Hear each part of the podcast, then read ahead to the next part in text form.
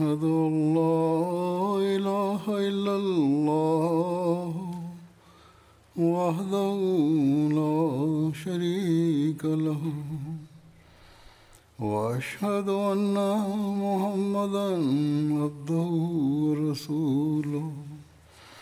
أما بعد فأعوذ بالله من الشيطان الرجيم. بسم الله الرحمن الرحيم الحمد لله رب العالمين الرحمن الرحيم مالك يوم الدين إياك نعبد وإياك نستعين. اهدنا الصراط المستقيم.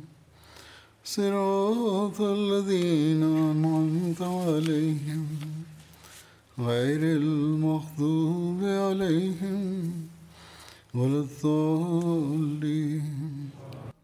وكما بدت في بعض البلاد الإفريقية. وندعو الله تعالى أن يجعل الجلسات في البلاد كلها مباركة من كل النواحي والجوانب.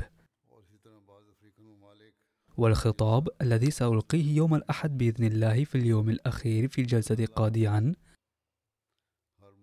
سيكون موجها إلى الجلسات المنعقدة في البلاد الإفريقية أيضا. وهي سبعة أو ثمانية بلاد.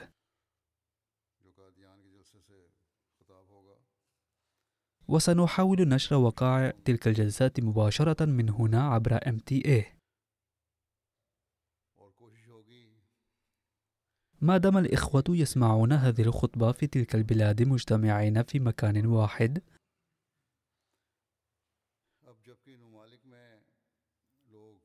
وما دامت الظروف المواطية مهيئة لسماعها بإصغاء فرأيت من المناسب أن أقدم من كلمات المسيح الموعود عليه السلام مقتبسات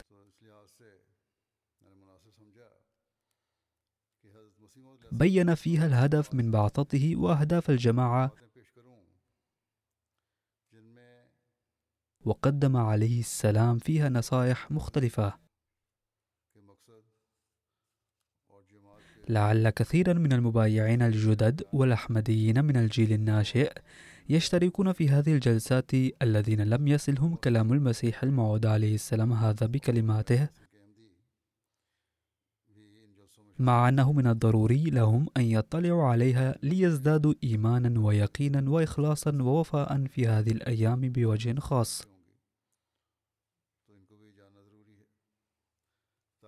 وليعرفوا الهدف من بعثته عليه السلام وليدركوا مسؤولياته مستعينين بالله تعالى.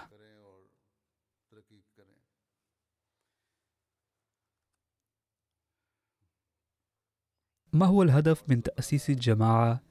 ولما كان تأسيسها ضروريا في هذا العصر يقول المسيح الموعود عليه السلام مبينا هذا الأمر.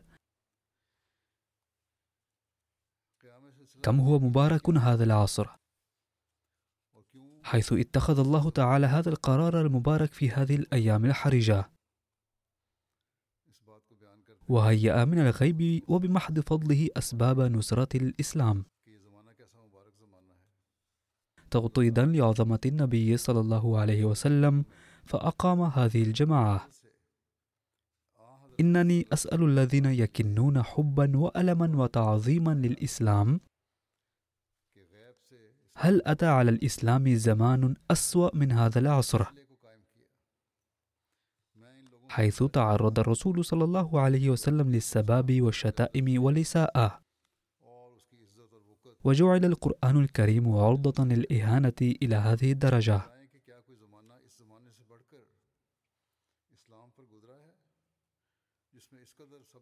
إنني أتأسف وأتألم جدا على حالة المسلمين حتى لا يقر لي قرار في بعض الأحيان. إذ لا يوجد فيهم أدنى إحساس بتلك الإهانة هل يظنون أن الله تعالى لم يرد لرسوله صلى الله عليه وسلم أي عز أو شرف؟ فإنه رغم هذه الشتائم والإهانات ما أقام أي جماعة سماوية من عنده ليكم أفواه أعداء الإسلام وينشر عظمة النبي صلى الله عليه وسلم وطهارته في العالم ثانية. ما دام الله تعالى وملائكته يصلون على النبي صلى الله عليه وسلم فكم حريا أن تتم الصلاة عليه صلى الله عليه وسلم في هذا العصر الذي يساء فيه إليه صلى الله عليه وسلم. وقد هيأ الله تعالى الأسباب للصلاة على النبي صلى الله عليه وسلم بتأسيس هذه الجماعة. إذا فمن واجبنا نحن الذين آمنوا بالمسيح الموعود عليه السلام وانضمامنا إلى هذه الجماعة أن نصلح حالتنا ونصلي على رسولنا صلى الله عليه وسلم أيضا. وفي هذه الأيام خاصة يجب أن ننتبه إلى الصلاة على النبي صلى الله عليه وسلم بوجه خاص. كلما صلينا عليه صلى الله عليه وسلم أكثر كنا قد حققنا الهدف الذي بينه المسيح الموعود عليه السلام لبعثته. فيقول عليه السلام مبينا الهدف من بعثته لقد بعثت لأقيم من جديد المجد الضائع للنبي صلى الله عليه وسلم. وأري العالم حقائق القرآن الكريم وكل هذه الأعمال تتحقق. أما الذين على عيونهم عصابة فلا يستطيعون رؤيتها. مع أن هذه الجماعة قد تجلت كالشمس. وإن عدد الشهود على آياتها وخوارقها قد بلغ بحيث لو جمعوا في مكان لما بلغ عددهم عدد جيوش أي ملك في العالم. الجلسات التي تعقد في هذه الأيام في بلاد مختلفة في العالم التي يشترك فيها آلاف من الأحمديين إنها أيضا آية من تلك الآيات. يقول عليه السلام لصدق هذه الجماعة ثم أدلة وشواهد ليس من السهل حتى بيان كلها. فلما كان الإسلام قد أسيء إليه بشدة فقد أظهر الله تعالى عظمة هذه الجماعة بحسب تلك الإساءة. ثم يقول عليه السلام هذا الزمن أيضا للمعركة الروحانية. فالحرب دائرة مع الشيطان لقد شن الشيطان الهجوم على حصن الإسلام بأسلحته ومكايده كلها. ويريد أن يهزم الإسلام. لكن الله عز وجل قد أقام هذه الجماعة لإلحاق الهزيمة بالشيطان للأبد في هذه المعركة الأخيرة. فالمبارك من يعرفها. الزمن قصير فسوف يمنح الثواب في هذا الزمن. لكن الوقت وشيك عندما سيجعل الله صدق هذه الجماعة أسطع من الشمس. عندها لن ينفع الإيمان ويغلق باب التوبة. إن الذي يؤمن بي في هذا الوقت يخوض معركة شرسة مع نفسه في ظاهر الأمر. فسيرى أنه أحيانا يضطر للانقطاع عن العائلة ولسوف توضع العقبات في تجارته المادية وسيسمع الشتائم والسباب واللعنات. إلا أن الأجر على كل هذه الأمور سيجده عند الله تعالى. ولكن حين سيأتي ذلك الوقت ويرجع العالم بقوة كما ينزل الماء من تلة مرتفعة. ولن يبقى أي منكر. فأي أهمية ستكون للإقرار يوم ذاك؟ فالإيمان عندها لن يعد شجاعة. إنما الثواب يعطى في زمن الأذى دوما. حين ترك سيدنا أبو بكر رضي الله عنه سيادة أهل مكة بإيمانه بالنبي صلى الله عليه وسلم أعطاه الله سيادة العالم. ثم نرى أن سيدنا عمر رضي الله عنه أيضا لبس المسوح وصار مصداق. فليكن ما كان فقد ألقينا السفينة في النهر. وآمن بالنبي صلى الله عليه وسلم فهل أنقص الله نصيبا من أجره؟ كلا فالذي يعمل قليلا من أجل الله لا يموت قبل أن ينال جزاءه. آتا ہے فقد ورد في حديث إن الذي يتقرب إلى الله مشيا يأتيه الله هرولا. فالإيمان يقتضي أن يؤمن المرء حين تكون بعض الجوانب خفية. فالذي يتمكن من رؤية الهلال يسمى حاد البصر. أما الذي يصرخ ليلة البدر أنه رأى البدر فسيعد مجنونا. إذا السعداء هم الذين يؤمنون بالمسيح الموعود عليه السلام اليوم. وينالون حب الله تعالى نتيجة مواجهة أنواع المعارضة.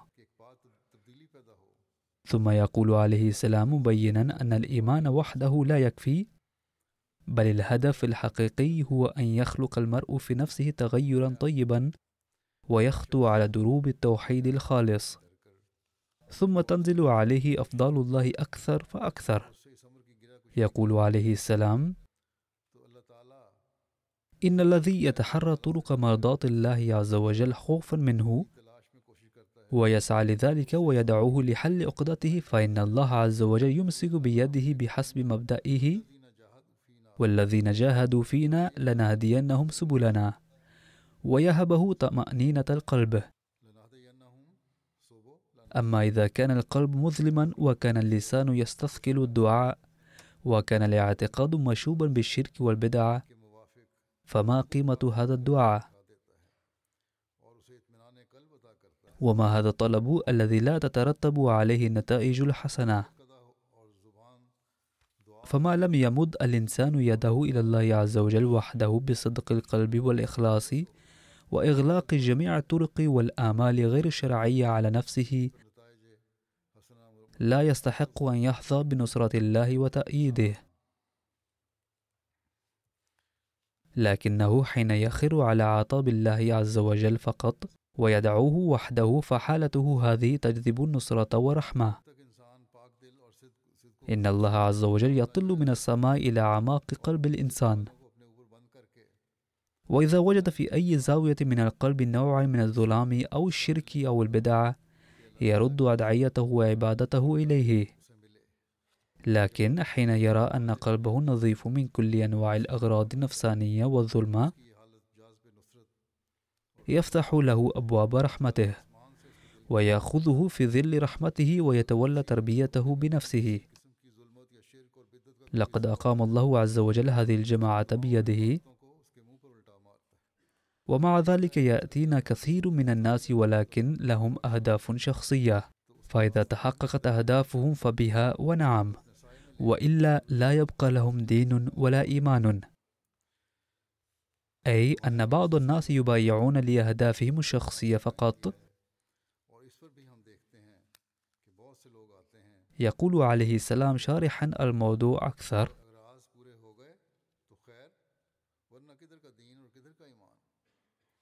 إن الغايات النفسانية من الشرك فهي تلقي الحجاب على القلب. وتتسبب في تعثر المرء حتى لو كان بايعا. إن الانضمام إلى جماعات يتطلب أن يترك الإنسان النفسانية ويتمسك بالتوحيد الخالص. وأن يكون لديه طلب صادق في الحق. وإلا عندما سيرى أهدافه لا تتحقق سينقطع فورا. هل آمن الصحابة بالنبي صلى الله عليه وسلم ليزدادوا مالا وثروة؟ عندما ننظر إلى حياة الصحابة رضي الله عنهم لا نجد في سوانحهم ولا حادثا واحدا من هذا القبيل. فلم يتصرفوا هكذا قط. إنما بيعتنا هي بيعة التوبة فقط. فقد آمن الصحابة على أن يضحوا بحياتهم. فمن ناحية كانوا يبايعون ومن ناحية يستعدون للتخلي عن كل مال وعزة وشرف وحياة. وكأنهم لا يملكون شيئا. وبذلك كانت آمالهم منقطعة عن الدنيا. وكانت جميع رغباتهم في الحصول على أي نوع من العزة والشرف والعظمة والجاه والحشمة تنقطع. هل كان أحده منهم يفكر أنه سيكون ملكا أو سيفتح بلدا؟ كلا لم تخطر هذه الأفكار في بالهم نهائيا.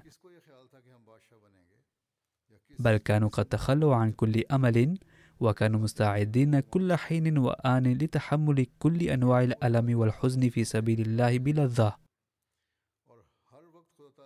حتى كانوا مستعدين للتضحية بحياتهم. فكانوا منقطعين عن هذه الدنيا وما فيها إلا أن الله عز وجل أكرمهم وشرفهم. والذين جادوا بكل ما لهم في سبيله قد رزقهم آلاف الأضعاف. ثم يقول عليه السلام ناصحا أن الهدف من تأسيس الجماعة هو إقامة توحيد الحقيقي وخلق حب الله تعالى. ما المراد من حب الله؟ إنما المراد هو أن يؤثر المرء مرضاة الله عز وجل على والديه وزوجته وأولاده ونفسه وعلى كل شيء عزيز عليه. فقد ورد في القرآن الكريم فاذكروا الله كذكركم آباءكم أو أشد ذكرا الأمر الجدير بالتدبر هنا أن الله تعالى لم يعلم أن تنادوا الله أبا بل أعطى هذا التعليم لئلا يخطئ أحد مثل النصارى وألا ينادي الله كأب. وإذا قال أحد أن ذلك يعني أن حبه أقل من حب الأب فليعلم أنه عز وجل أورد أو أشد ذكرا دحضا لهذا الاعتراض. لو لم يرد أو أشد ذكرا لكان الاعتراض في محله ولكن هذه الجملة تفنده. إذا هذا هو حب الله الذي يجب أن يكون في قلب كل مؤمن. أي يجب أن يكون حب الله أشد من حب القرابات الدنيوية كلها. فعلينا أن نفحص أنفسنا هل نخلق هذا الحب في قلوبنا؟ وهل في قلوبنا حرقة لهذا الحب؟ يقول المسيح الموعود عليه السلام شارحا هذا الحب ومستواه من الضروري لإقامة التوحيد الحقيقي أن تنالوا نصيبا كاملا من حب الله عز وجل. والحب لا يثبت باللسان فقط ما لم يكن كاملا في الجزء العملي. فمثلا إذا ردد الإنسان كلمة السكر بكثرة فهذا لا يعني أنه سيصبح حلو الكلام. إذا أقر المرء بصداقة أحد وتحاشى عن نصرته عند المصيبة ولم يأخذ بيده لا يمكن أن يعد صديقا صدوقا. كذلك إذا كان إقرار وحدانية الله باللسان فقط ورافقه إقرار الحب باللسان فقط فلا فائدة منه قط. بل هذا الجزء يقتضي العمل أكثر من الإقرار باللسان. ليس المراد من ذلك أنه لا أهمية للإقرار باللسان. كلا بل ما أقصده هو أن التصديق العملي ضروري مع الإقرار باللسان. لذا يجب أن تنظروا حياتكم في سبيل الله عز وجل. هذا هو الإسلام وهذا هو الهدف الذي أرسلت من أجله. فالذي لا يدنو الآن من هذا الينبوع الذي فجره الله تعالى لهذا الغرض يبقى محروما حتما. إذا كان الباحث الصادق يريد أن يكسب شيئا وينال مرامه فعليه أن يتقدم ويضع فمه على هذا الينبوع الجاري. وهذا لا يمكن أن يحدث ما لم يخلع الإنسان لباس المغايرة أمام الله ويخر على اعتباط ربوبية. وما لم يتعهد أنه لن يترك الله. وإن ذهب شوكته وواجه جبال المصائب. بل سيكون جاهزا لتقديم كل تضحية في سبيل الله عز وجل. هكذا كان إخلاص إبراهيم عليه السلام العظيم. حتى استعد للتضحية بابنه. الإسلام يهدف إلى أن يجعل أناسا كثيرين أمثال إبراهيم عليه السلام. فعليكم أن تكونوا إبراهيم. أقول صدقا وحقا. كونوا أولياء بأنفسكم ولا تكونوا ممن يعبدون الأولياء. وكونوا مرشدين بأنفسكم ولا تكونوا عبدة المرشدين. فاسلكوا تلك السبل. لا شك أن تلك السبل ضيقة. أي أحرزوا هذا المقام بأنفسكم ولا تكونوا مريدي أصحاب الزوايا. بل ارفعوا أنفسكم إلى هذا المستوى الذي يكون فيه المرء ولي الله حيث يقول الناس هذا هو الصالح الذي يجب اتباعه. قال عليه السلام لا شك أن تلك السبل ضيقة. ولكن بالدخول بها يحظى الإنسان براحة وسعادة. ولكن من الضروري أن تدخلوا من هذا الباب خفافا جدا. إذا كانت على رأسي سرة كبيرة صعب الدخول أي إذا كانت سرة الأهواء المادية وتقديم الدنيا على رأسي وكانت الدنيا مقدمة على الدين فمن الصعب الدخول من هناك. فإن كنتم تريدون أن تمروا من هذا الباب فارموا سرة العلاقات الدنيوية وتقديم الدنيا على الدين. إذا كانت جماعتي تريد أن ترضي الله تعالى فعليها أن ترمي بهذه السرة. يعلم يقينا أنه إن لم تتحلوا بالوفاء والإخلاص لكنتم كاذبين ولن تعدوا صادقين عند الله عز وجل. فالذي ينبذ الإخلاص ويختار الخيانة سيهلك قبل العدو. إن الله عز وجل لا يمكن أن ينخدع ولا يسع أحدا أن يخدعه. لذا من الضروري أن تخلقوا صدقا وإخلاصا حقيقيين. ثم من الضروري لنا إضافة إلى قيام التوحيد وحب الله عز وجل أن تحب رسول صلى الله عليه وسلم. لأنه بواسطته صلى الله عليه وسلم أرانا الله تعالى سبل وحدانيته. فقال المسيح الموعود عليه السلام موجها إلى ضرورة الارتباط بالرسول صلى الله عليه وسلم وإقامة عزه وعظمته. لقد أسس الله تعالى هذه الجماعة لتقيم نبوة النبي صلى الله عليه وسلم وشرفه مرة أخرى. يتحدث حضرته عليه السلام هنا عن المسلمين غير الأحمديين الذين يعبدون أصحاب الزوايا ويسجدون للقبور وبالرغم من ذلك يدعون حب الرسول صلى الله عليه وسلم. ويكفروننا ويتهموننا قائلين أن الأحمديين يسيئون إلى النبي صلى الله عليه وسلم والعياذ بالله. إذا كان شخص يدعي حب أحد ومع ذلك جعل أحباء كثيرين مثله فما ميزة حبه له؟ إذا كانوا فانين في حب رسول الله صلى الله عليه وسلم وعشقه كما يدعون فلماذا يعبدون آلاف القبور؟ يذهبون إلى كثير من القبور ويقدمون لها النذر ويدعون أصحابها ويسجدون لها. لا يسافرون إلى المدينة الطيبة بينما يسافرون إلى زاوية من مدينة أجمير حاصر الرؤوس حفاة الأقدام. ويزعمون أن في المرور من نافذة في زاوية أحد أصحاب الزوايا في مدينة باكباتن كفاية للنجاة وهناك من رفع راية ما وهناك من اتخذ صورة أخرى. إن قلب المسلم الصادق لا يرتعب حقا بالنظر إلى اجتماعاتهم ومهرجاناتهم التي اخترعوها. وهذه الأشياء كلها توجد بكثرة في شبه القارة الهندية.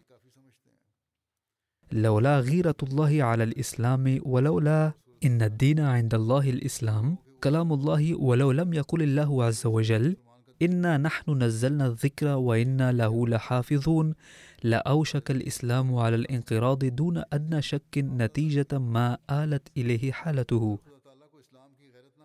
ولكن هاجت غيرة الله واقتضت رحمته وحمايته أن ينزل بروز رسول الله صلى الله عليه وسلم مرة أخرى ويحيي نبوته صلى الله عليه وسلم في هذا الزمن مجددا.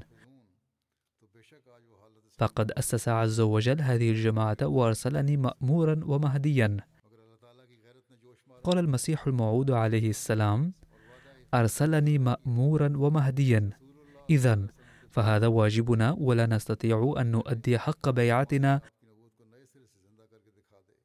ما لم نحدث فرقا واضحا بيننا وبين غيرنا وما لم نضرب أمثلة غير عادية لحب الله عز وجل وحب الرسول صلى الله عليه وسلم. وما لم نسعى لتعطير ألسنتنا بالتسبيح والتحميد والصلاة على النبي صلى الله عليه وسلم. قال المسيح الموعود عليه السلام موجها إلى ضرورة التأسي بأسوة الصحابة وإنشاء الإخلاص والوفاء مثلهم رضي الله عنهم. حين أسس الله تعالى هذه الجماعة وأظهر في تأييدها مئات الآيات فكان الغرض منها أن تصبح هذه الجماعة مثل جماعة الصحابة ويعود زمن خير القرون.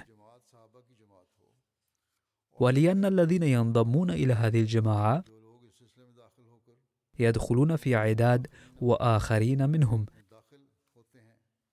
لذا عليهم أن يخلعوا لباس المشاغل الباطلة.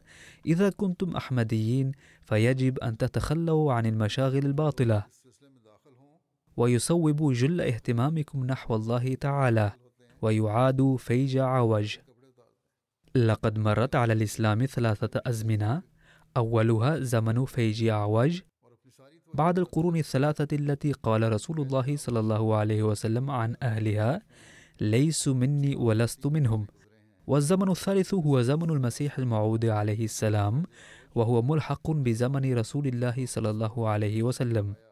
بل الحقيقة أنه زمن النبي صلى الله عليه وسلم نفسه. لو لم يذكر النبي صلى الله عليه وسلم زمن فيج أعوج لكان القرآن الكريم نفسه أيدنا. ويتبين من آخرين منهم لما يلحقوا بهم بصراحة تامة أن هناك زمنا يخالف زمن الصحابة. وتوحي الأحداث أن الإسلام كان دريئة المصائب والمصاعب الكثيرة خلال الألف عام الماضية. فقد تخلى الجميع عن الإسلام إلا أناسا معدودين. وقد نشأت فرق كثيرة مثل المعتزلة ومذهب الإباحية. قال نعترف أنه لم يكن هناك زمان لم توجد فيه بركات الإسلام ولكن الأبدال والأولياء الله الذين خلوا في الزمن الوسطى كان عددهم قليلا لدرجة لم يكن شيئا يذكر مقابل عشرات ملايين الناس الذين انحرفوا عن الصراط المستقيم وابتعدوا عن الإسلام. لذا فقد رأى رسول الله صلى الله عليه وسلم هذا الزمن بعين النبوة وسماه فيج أعوج ولكن الآن أراد الله تعالى أن يخلق جماعة كبيرة أخرى تسمى جماعة الصحابة. ولكن ما دام قانون الله السائد في الطبيعة هو أن الجماعة التي يؤسسها تتقدم تدريجا لذا إن جماعتنا أيضا ستتقدم تدريجا كزرع. وتلك الأهداف والمقاصد إنما هي بمنزلة بذرة تزرع في الأرض. والأهداف السامية التي يريد أن يوصل الجماعة إليها لا تزال بعيدة جدا. ولا يمكن تحققها ما لم تتحقق تلك الميزة التي يريدها بخلق هذه الجماعة.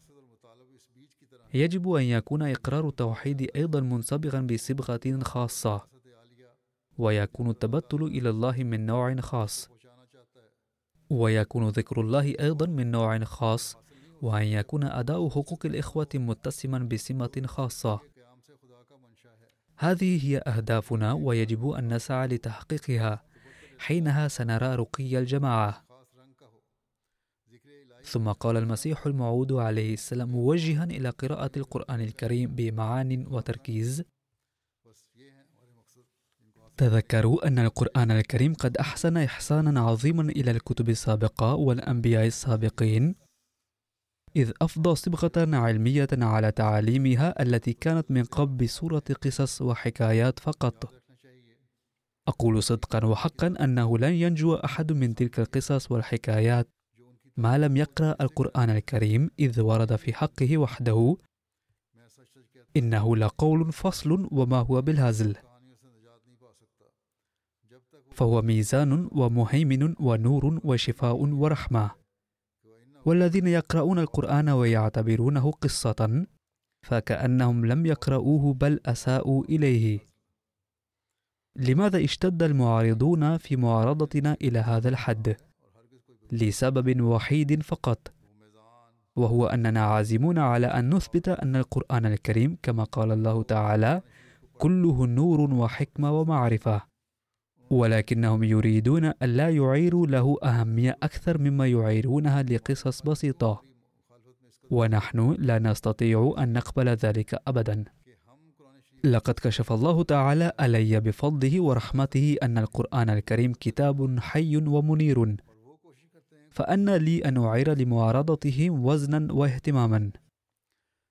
فأؤكد مرارا للذين هم على صلة بي أن الله تعالى قد أقام هذه الجماعة لكشف الحقائق أي أقام هذه الجماعة لإظهار الحقائق التي لا يمكن أن نفهمها وندركها إلا من خلال القرآن الكريم لأنه لا ينشأ نور في الحياة العلمية بدونها.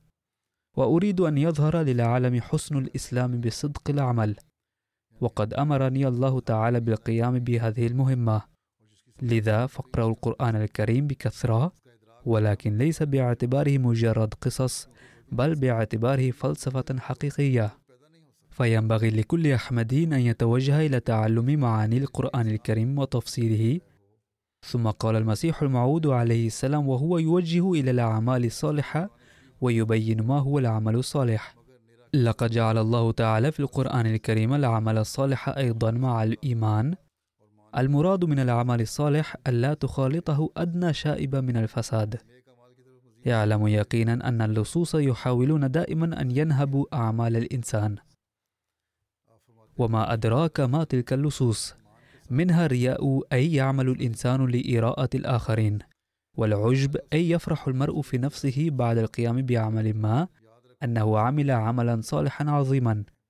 ولنوع العديد من سوء الأعمال والذنوب التي تصدر منه هي اللصوص التي تؤدي إلى إبطال الأعمال الصالحة. والعمل الصالح هو الذي لا تشوبه شائبة الظلم والعجب والرياء والكبر وإتلاف حقوق الناس.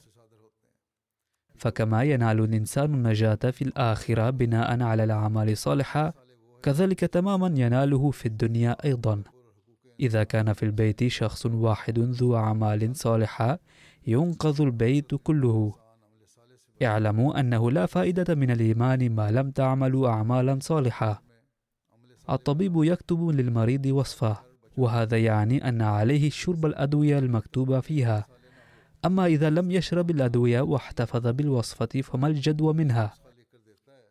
فمن واجبنا أن نعمل بوصاياه عليه السلام وإلا فلا فائدة من بيعتنا. قال عليه السلام لقد تبتم الآن ويريد الله أن يرى في المستقبل مدى تطهيركم أنفسكم نتيجة هذه التوبة. في هذا الوقت يريد الله تعالى أن يفرق بين القوم بالتقوى. كثير من الناس يشكون الله تعالى ولا يفحصون أنفسهم. إنها مظالم الإنسان نفسه وإلا فإن الله رحيم وكريم.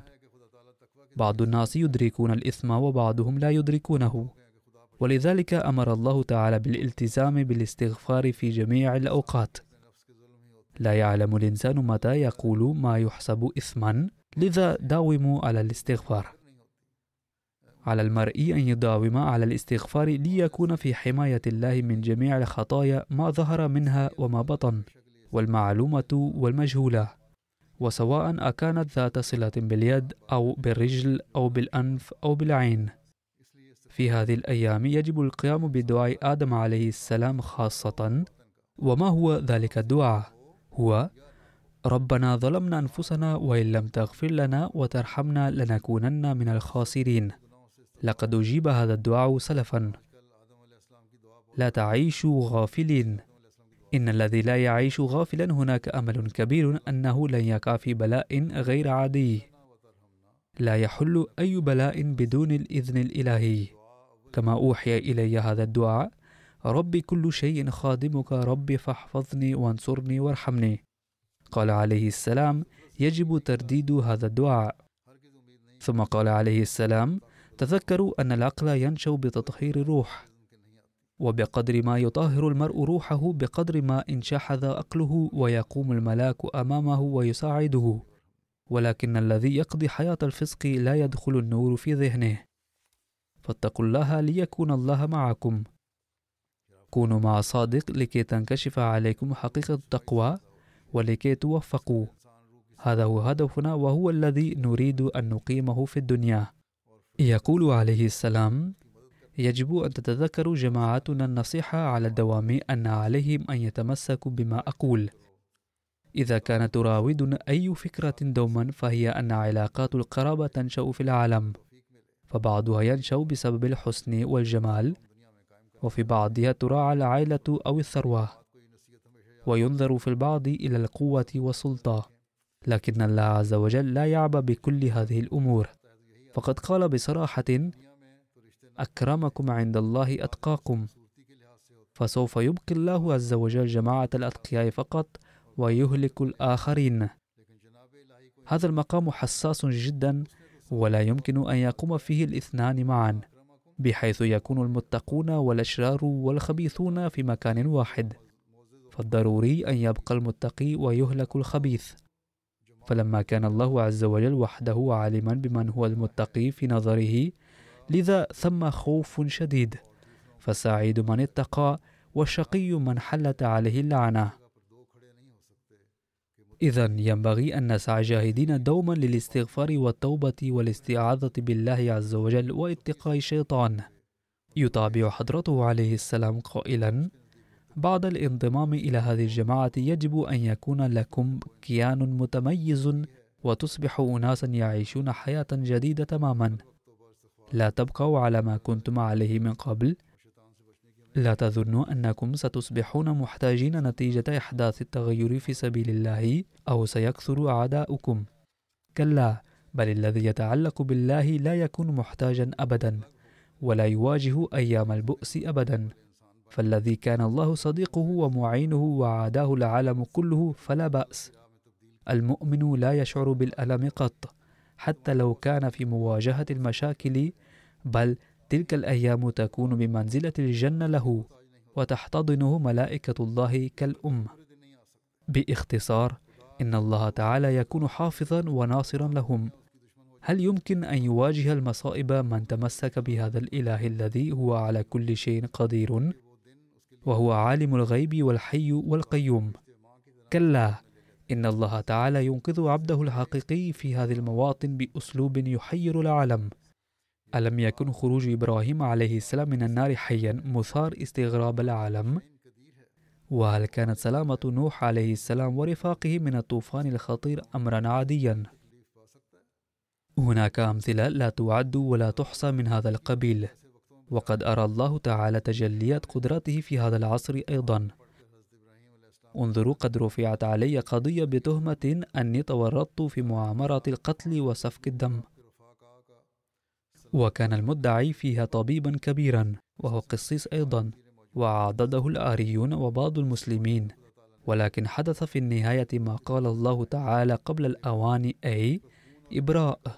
ثم أظهر الله تعالى براءته باحترام.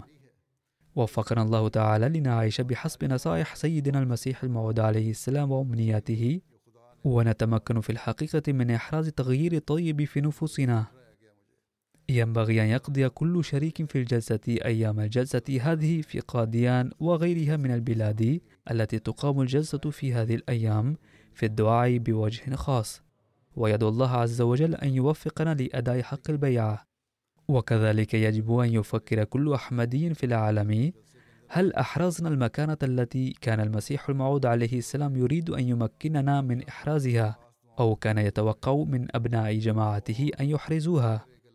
وإن لم نحقق ذلك بعد فعلينا أن نسعى كل حين وآن وندعو من أجل ذلك. وفقنا الله تعالى جميعا لذلك. الآن أود أن أذكر بعض المرحومين وجنازة أحدهم موجودة هل وصلت أم لا؟ وهذه للمرحوم فضل أحمد دوغر الذي كان يعمل في الجماعة الأحمدية في بريطانيا وكان ابن شودر الله ديتا دوغر وتوفي في 21 من ديسمبر عن عمر يناهز 75 عاما. إنا لله وإنا إليه راجعون. كان المرحوم منخرطا في نظام الوصية ترك زوجته السيدة عظمى فضل. وأربعة أبناء وثلاث بنات. كان المرحوم قد جاء إلى بريطانيا في عام 1992 وبدأ يعمل أعمالا خاصة.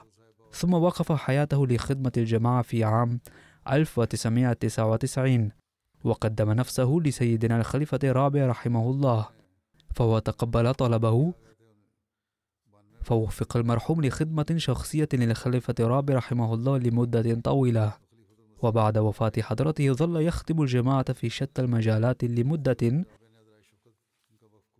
ثم عينته في الجامعة الأحمدية حيث عهدت إليه مهمة الإشراف على مكتبة الجامعة الأحمدية وأدى هذه المسؤولية حتى الوفاة. وله مساهمة جيدة في إعداد مكتبة الجامعة. فقد صور جميع أعداد مجلة مقارنة الأديان الصادرة في حياة المسيح الموعود عليه السلام. ثم طبع نسخا منها وودعها مكتبة الجامعة.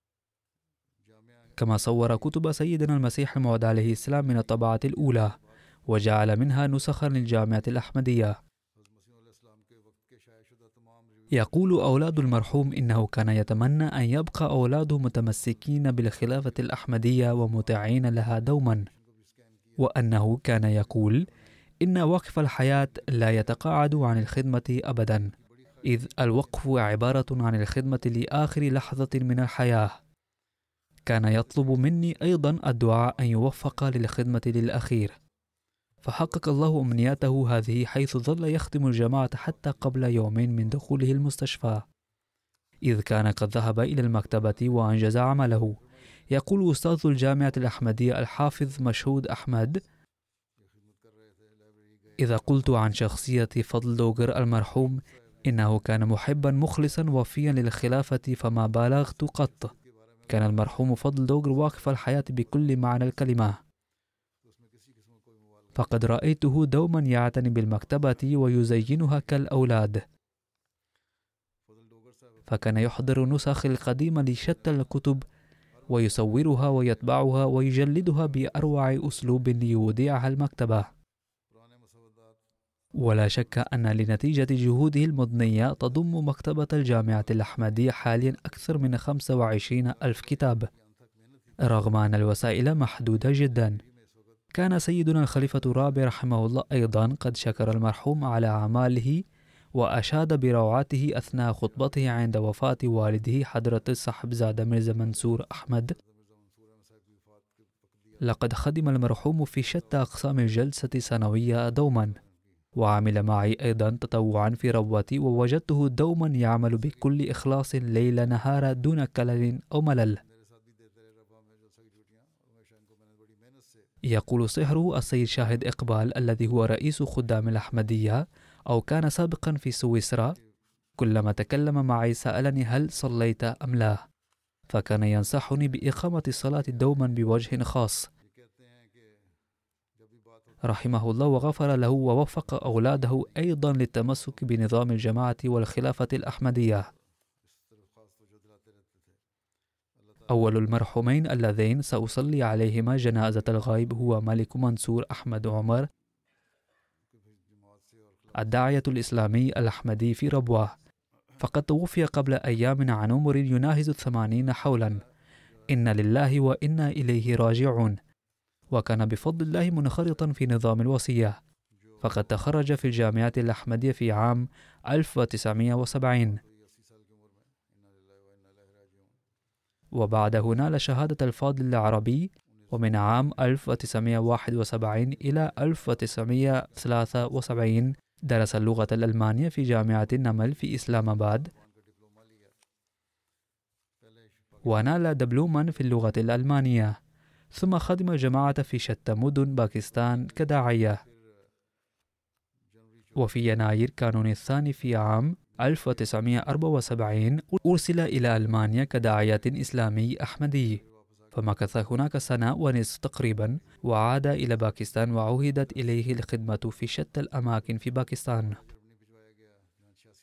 ثم أرسل من جديد إلى ألمانيا في أكتوبر عام 1983 حيث خدم الجماعة في صفته أميرا للجماعة والداعية المسؤول حتى عام 1986 وخلال هذه الفترة كان يعلم اللاجئين اللغة الألمانية ويساعدهم.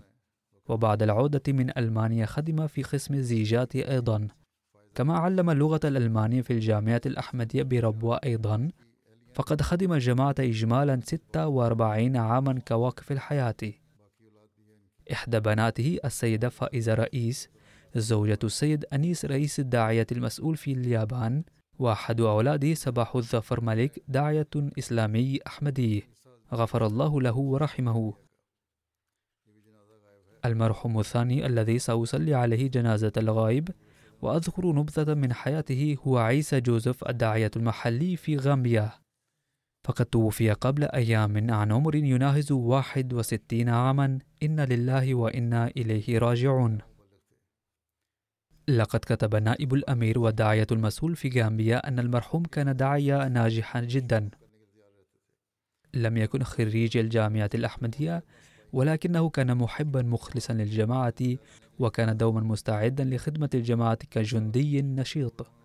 وكان يقول إنه جندي بسيط في جيش سيدنا المسيح الموعود عليه السلام وأنه مستعد لإنجاز كل مهمة تعهده إليه الجماعة.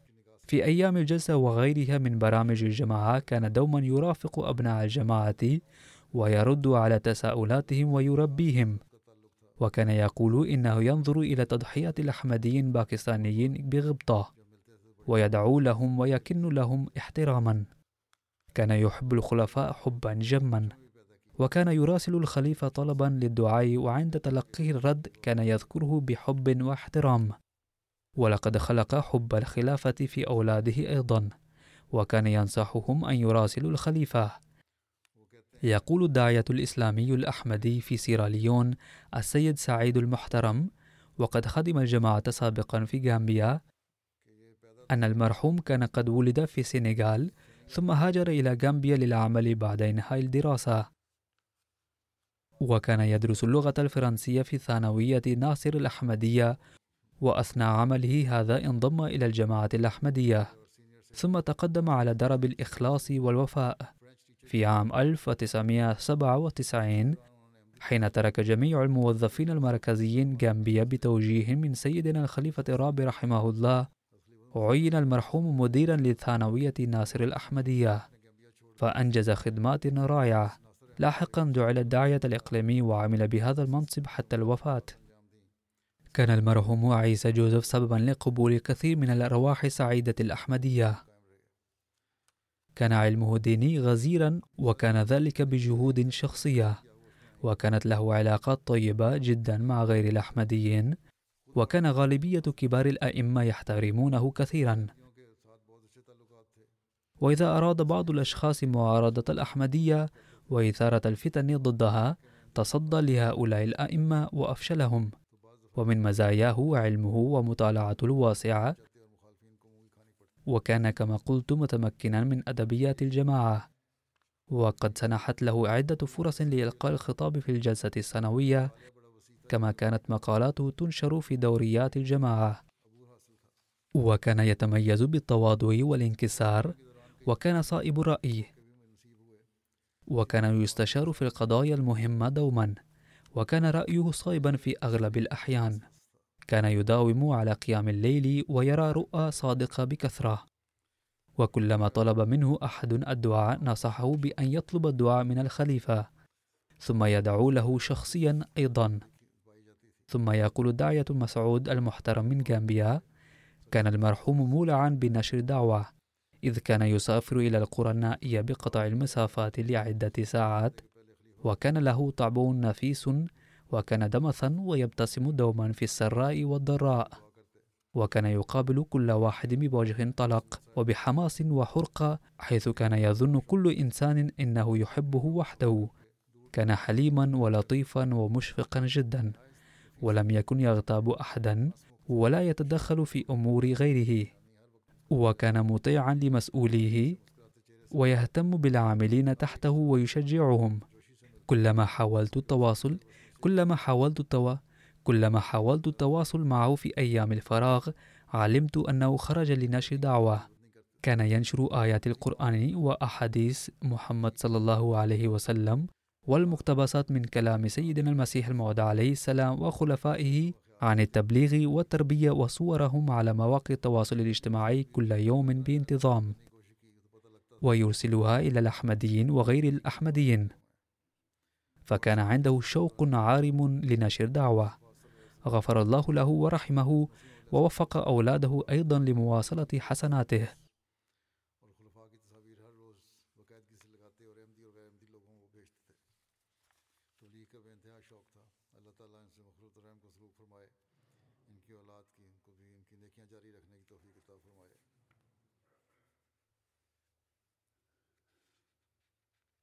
فسوف أصلي جنازة الغائب على كل هؤلاء المرحومين كما قلت سابقا بعد صلاة الجمعة إن شاء الله.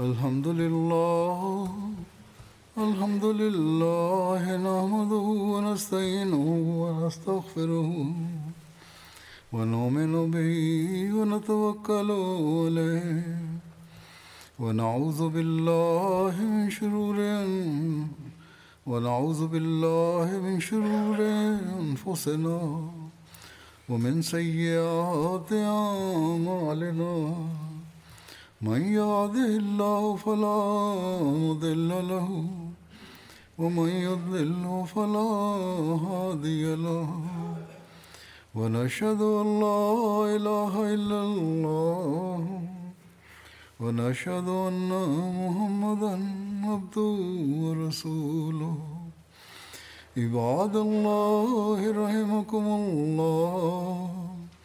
إن الله يأمر بالعدل واللسان وإيتاء ذي القربى وينهى عن الفحشاء والمنكر والبغي يعظكم لعلكم تذكرون.